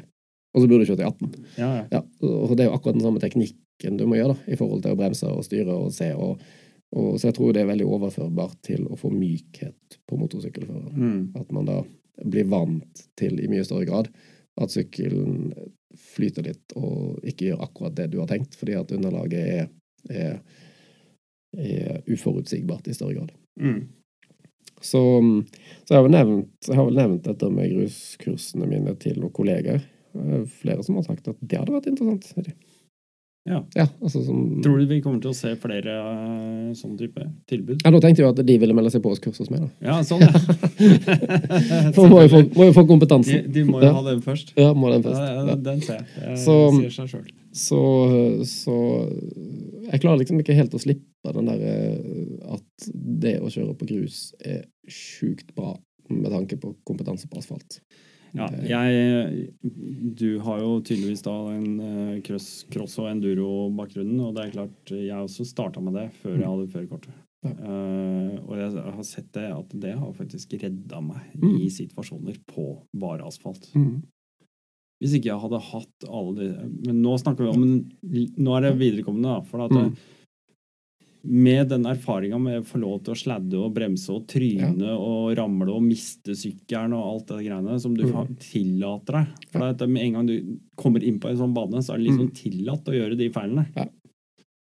Mens hvis du er på asfalt, så skal du på tørre møkka ikke legge ned sykkelen din. ikke sant? Mm. Uh, men det å ha den erfaringa i bånn, det har jo redda meg ja, i veldig klart. mange situasjoner på asfalt. Helt klart. Vel... Hvert år for de som kjører og som er aktive, så du får jo to til tre tilbud hvert eneste år. Mm. Ja. Ikke sant? Ja. Av en eller annen bilist. Mm. Som tydeligvis ikke er der du er, da. Mm. Altså, det er jo jeg, jeg, jeg, fortalte jo en sånn liten historie på uh, det kurset vi hadde nå i april. Eh, de syns jo den historien var såpass bra, så jeg kan kanskje gjenfortelle den her. da. Mm. Det er mange mange år siden så drev jeg og kjørte på en sånn uh, Suzuki GSX 750 1980-modell. Sånn sofa med ramme av spagetti og sånn. Og så drev jeg og kjørte ned i Vestfold, Telemark et eller annet sted. Ute på tur, faktisk, på asfalt, for å prøve liksom, å se hvordan det funka. Uh, og det var jo koselig, det. Så, og så husker jeg ble tatt igjen av en Golf GTI. Mm. Jeg kjørte ikke så fort, da. Så, men liksom, den sykkelen kan du ikke kjøre så fort med uansett. Nei. Så jeg tatt igjen, da. Men der var det ikke noe sted å kjøre forbi. Så jeg tenkte sånn Skal jeg slippe den forbi liksom her i disse svingene, eller skal jeg Nei, hvis jeg kjøre i mitt tempo, eller så, så sitter jeg litt opptatt av denne bilen bak, da. Mm. Uh, og så har det vært en tippbil med sånn 816 grus. Og vært nede i grøfta på høyresida i en høyrekurve. Ja. Så da har han lagt igjen et halvt tonn med grus i veien. da. Og det oppdager jeg liksom sånn bitte litt for sent, for jeg sitter jo kun og ser i speilet mitt på den golfen som er bak. Uh, og så ser jeg den grusen som er der, og så jeg har jo ikke noe ABS-brems og ingenting sånt på den sykkelen, så jeg tenker at da får jeg bare reise meg opp, da. Mm. Så jeg reiser meg opp, og så tråkker jeg litt på innerste fothvileren, og så gir jeg gass. Så tenker jeg at litt synd på den golfen bak, for han får sikkert helt ny lakk på bilen sin. Uh, men jeg kommer gjennom den svingen uten å gå utafor gullinja, så jeg holder meg innenfor eget kjørefelt i den svingen. Og så var jo den grusen over, så satte vi ned igjen og så kjørte vi videre. Så ser jeg speilet mitt igjen, og da ser jeg den Golfen er helt over på andre sida. Sånn liksom over i møtende felt med, med ESP og ABS-bremser og firehjulstrekk sikkert og alt mulig. Så jeg kjører jo videre og begynner jo da å lete etter grus. Jeg tenker at dette er jo spennende. Men det var jo ikke noen flere tilfeller av grus, men jeg skulle stoppe på bensinstasjon uansett. Jeg svinger inn der, og da kommer den Golfen og stopper bak meg. Mm. Så kommer han ut og helt sånn kulrunde øyne og rød i panna og svett og sånn. Og sier han det var nære på, sånn. Ja, jeg så det, sa du var veldig tett på rekkverket. Ja, jeg snakker ikke om det, jeg snakker om deg. Sånn. Hva, hva, gjorde du for noe? Og så får du reise deg opp på sykkelen, og så, og så gjorde du et eller annet med sykkelen som gjorde at det så ut som du kjørte speedway. Så. jeg, så jeg gjorde ikke det, jeg, men jeg gjorde det som måtte til når det var grus i veien. Og så, ja, men hvorfor er du så opptatt av det? sa jeg. Så, ja, han kjørte motorsykkel selv. Ja, ja, sa jeg. Men da Ja, for han hadde dødd, sier han. Mm. Ja, så han syntes det var ganske rart å si at det gikk bra, for han kjente jo selv hva den rullegrusen gjorde med bilen hans. da. Ja. Så sendte han rett ut i møtende felt.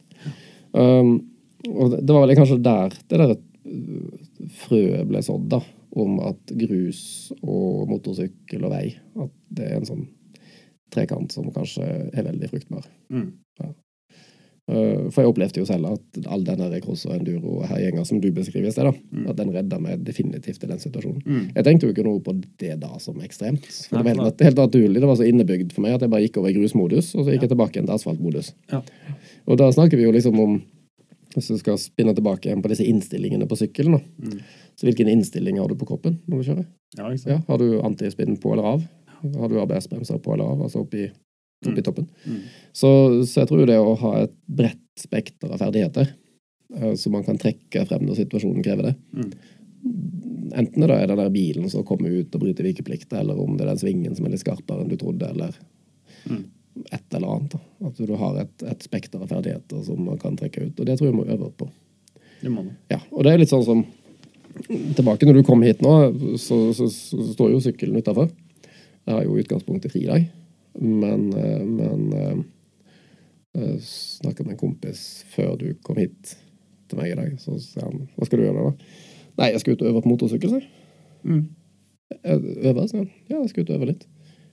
Ja, skal du kjøre, liksom? Ja, det innebærer jo kjøring, men jeg skal øve.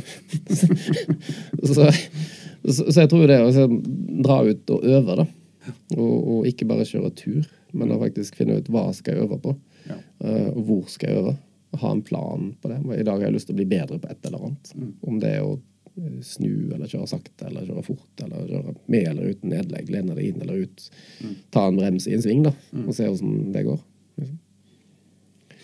Ja, du tar, snakker om én ting, og så tenker jeg på en annen ting. Eh, Nå er jeg på asfalt, nå, men eh, det er jo kanskje greit noen ganger. Dette her med kontrastyring og sånt, Mm. det er fort gjort å glemme. Jeg tror en vanlig førere Ja. glemmer fort den der at man har mulighet til å kontrastyre. Mm. Ja, øh, det som, er, det som er litt interessant, er at hvis du kjører motorsykkelen din på asfalt i fornuftig hastighet, så tror du kan kjøre hele landet rundt uten å bruke styrekommando en eneste gang. Du kan lene deg inn i den svingen, tråkke litt på en fothviler eller et eller annet, og så gjør sykkelen stort sett det han skal. Og det gjør vi stort sett. Ja. Så, så, så jeg har jo et, et øvingstips, da. Det er å dra ut og kjøre en tur. Kjøre en tur som du kjenner godt. Eh, og så bestemmer du deg for at du ikke skal lene deg i det hele tatt. Du skal bare bruke styrekommando, f.eks. for eksempel. Mm. Da får du øvd og kjørt tur samtidig. Det er jo et nytt begrep, for jeg har ikke hørt styrekommando før. Nei. Men eh, det er jo Ja, kontrastyring eller styrekommando, det går på, går på samme, samme. samme greia. Ja. Så, og så kan man prøve å gjøre det med en hånd, for eksempel. At du dytter styret eh, Det er som regel høyre hånda du må ha igjen da på styret. At du dytter styret fremover med høyre hånda når du skal til høyre, og så drar du litt til når du skal til venstre. Ja. Funker som fjellet. Ja. Så, eh, så Nei, så det å øve, da. eh, Og ikke bare kjøre, men gjøre to ting på en gang. Mm. Det har jeg litt tro på. Nei, dette her har vært uh, veldig interessant. Uh, er, det noe sånn, noe vi har glemt å si? Var det noe vi skulle ha tatt opp? som vi har gjort. Eller har jeg hoppa over noe nå? Nei, jeg tror vi har vært innom det meste av det vi, det vi har prata om litt uh, at vi skulle ta opp. Jeg tror det. Hva tror du er um, Du snakka om en grense som var 2030. Så Så kommer det noen nye mål om Så, eh, ja. statistikk. Ja, altså 2030 er jo et, det er jo et definert mål da, Mm. på denne nullvisjonen, som er altså at vi etter hvert skal ha null alvorlig skadde og drepte. Mm. Uh, og en visjon er jo akkurat det. Det er en visjon. Mm. Det er jo noe som er veldig langt fremme. og Kanskje vi når det, kanskje vi ikke når det. Mm. Men så må vi ha noen milepæler underveis. Og denne milepælen i 2030, den, den uh, sliter vi jo med å få til sånn som utviklinga er nå, da. Mm. Uh, og vi har jo Nasjonal tiltaksplan for trafikksikkerhet, NTP, Mm. som er et dokument som enhver kan nørde litt inn i. Mm. Og der er det jo beskrevet 179 tiltak da, fra 2022 til 2025.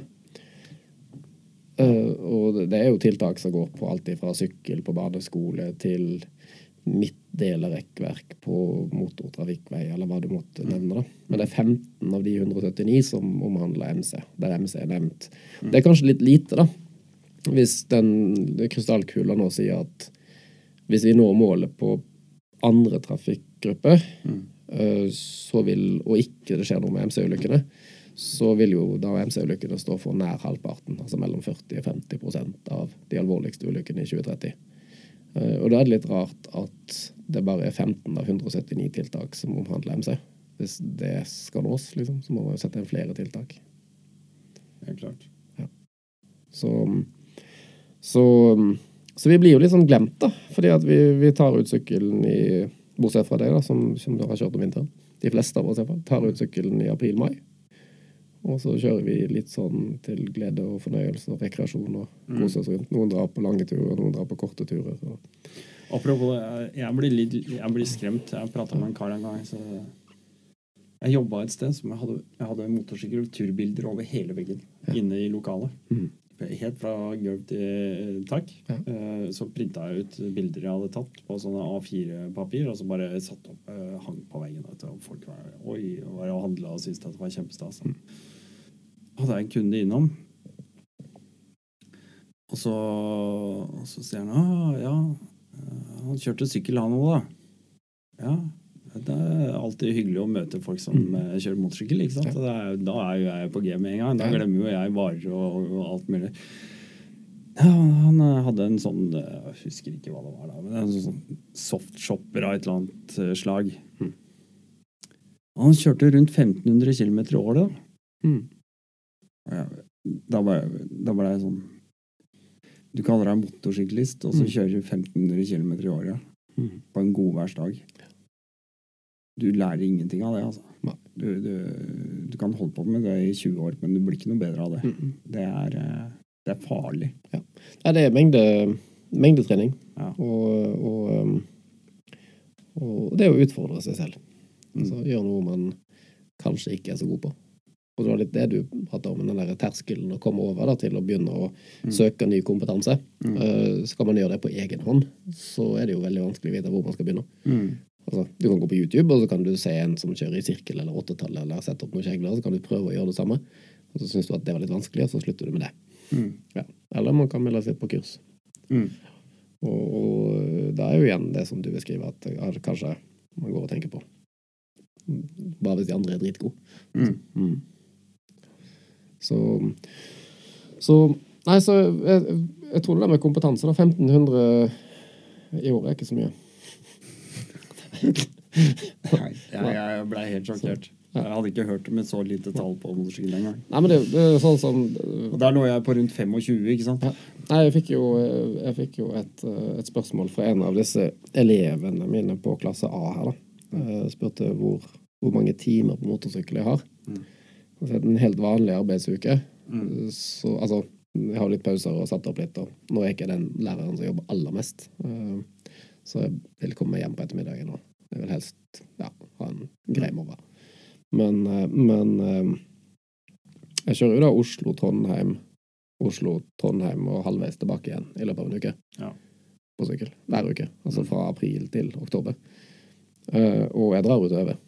Ja. Når jeg har fri, så drar jeg ut og øver. Mm. Ja, selv om jeg sitter på sykkelen såpass mye hver sesong, så, så ser jeg fortsatt et behov for å spisse kompetansen. For jeg er ikke helt fornøyd med måten jeg gjør alt på. Mm. Og da må jeg forbedre meg. Veldig bra. Jeg tror vi alle lyttere også skal ta det til etterretning. At eh, vi øver altfor lite. Rett og slett. Oppfordring til å ta melde seg på kurs, utviklingskurs. Eventuelt eh, finne steder hvor man kan eh, prøve å ta opp eh, gamle, glemte kunster på nytt. Jeg savner det personlig sjøl, faktisk. Så ja. Jeg gjør nok litt for lite av det, ja. Helt klart. Mm. Du, får, du får komme på kurs da, vet du. Ja. Så kan jeg begynne med å øve. Begynne med å øve. Skal vi si det sånn? Jepp, vi sier det sånn. Tusen takk for eh, praten. eh. Det er jo bare hyggelig. Det var eh, veldig koselig å få komme hit. Da sier jeg bare som alltid sjalabais. Og da heter det Sjalabais. er veldig bra. Ja, kult.